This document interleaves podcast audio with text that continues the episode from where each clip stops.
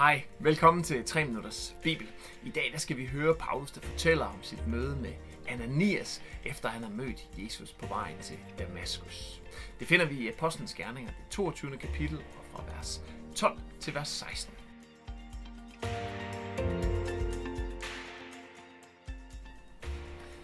I byen boede der en mand, som hed Ananias. Han var en gudfrygtig mand, der efterlevede vores jødiske lov, og han var meget respekteret af alle byens jøder.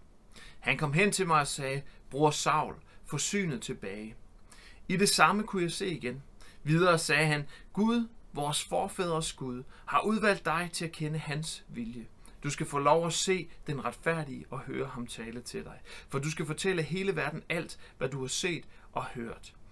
Hvad er der nu mere at vente på? Rejs dig op, lad dig døbe og få dine sønder renset bort ved at bede om Herrens tilgivelse. Så her, der fortæller Paulus så, så videre over for folkemængden i Jerusalem, hvordan han altså hele tiden har, har øh, kæmpet for og, og levet under loven, levet og, og tilhørt og tjent Gud, og, og nu har han så mødt Jesus her.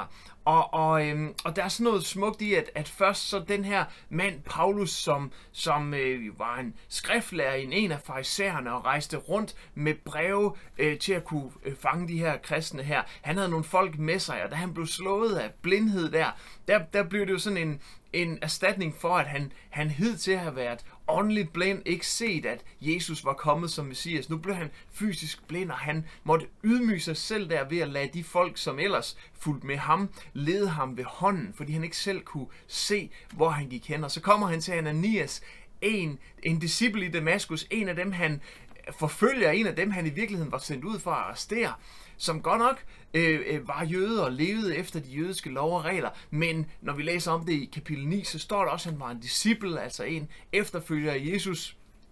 Og, øh, og der er noget smukt i det, at han, han jo der, en af dem han var øh, egentlig var sendt ud efter, var, var faktisk ham, der kom til at lede ham videre, lede ham videre ud af både den fysiske blindhed, men også den åndelige blindhed i at se Jesus. Så Ananias, han får et syn, inden de mødes her, og en af de ting, han ser, eller en af de ting, han i hvert fald siger til Paulus her også, det er i virkeligheden et ord, som passer rigtig godt på øh, enhver, der tager imod Jesus og følger ham, og det er her i fra, fra vers 14, hvor der stod, som vi læste lige før, Gud, vores forfædres Gud, har udvalgt dig til at kende hans vilje du skal få lov at se den retfærdige og høre ham tale til dig, for du skal fortælle hele verden alt, hvad du har set og hørt.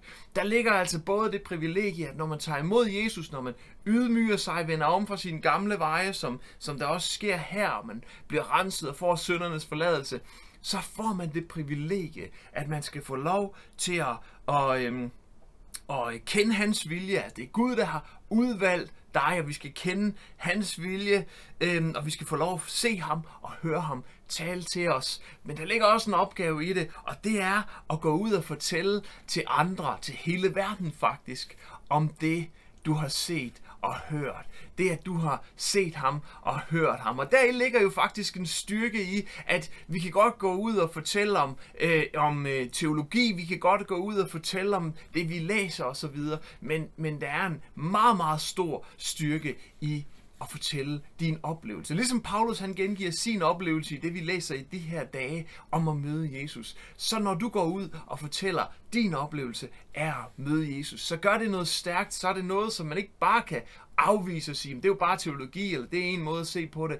Så er det din historie, og den historie, det du har oplevet i det, at du har set Gud, mærket ham, følt ham, mødt ham, når du fortæller det til andre, så er der en fantastisk styrke i det, og det var det, vi, jeg bad dig dele om i går, altså din oplevelse af, hvordan du mødte Jesus, eller han mødte dig måske. Og gjorde du det ikke i går, så synes jeg, jeg vil give dig chancen til det igen i dag, netop fordi der er, som sagt, en utrolig styrke i din personlige styrke til andre kan hente opmundring, til at kan måske endda lede øh, nogen, der ikke kender Jesus, til at kende Jesus. Så del den lige her, hvis ikke du gjorde det i går. Og øh, ja, så glæder jeg mig til at læse den igen. Og så husk på det her ord her fra øh, vers 14 og 15 her i, i øh, Apostlenes Gerninger 22. kapitel. Det er bestemt også til dig.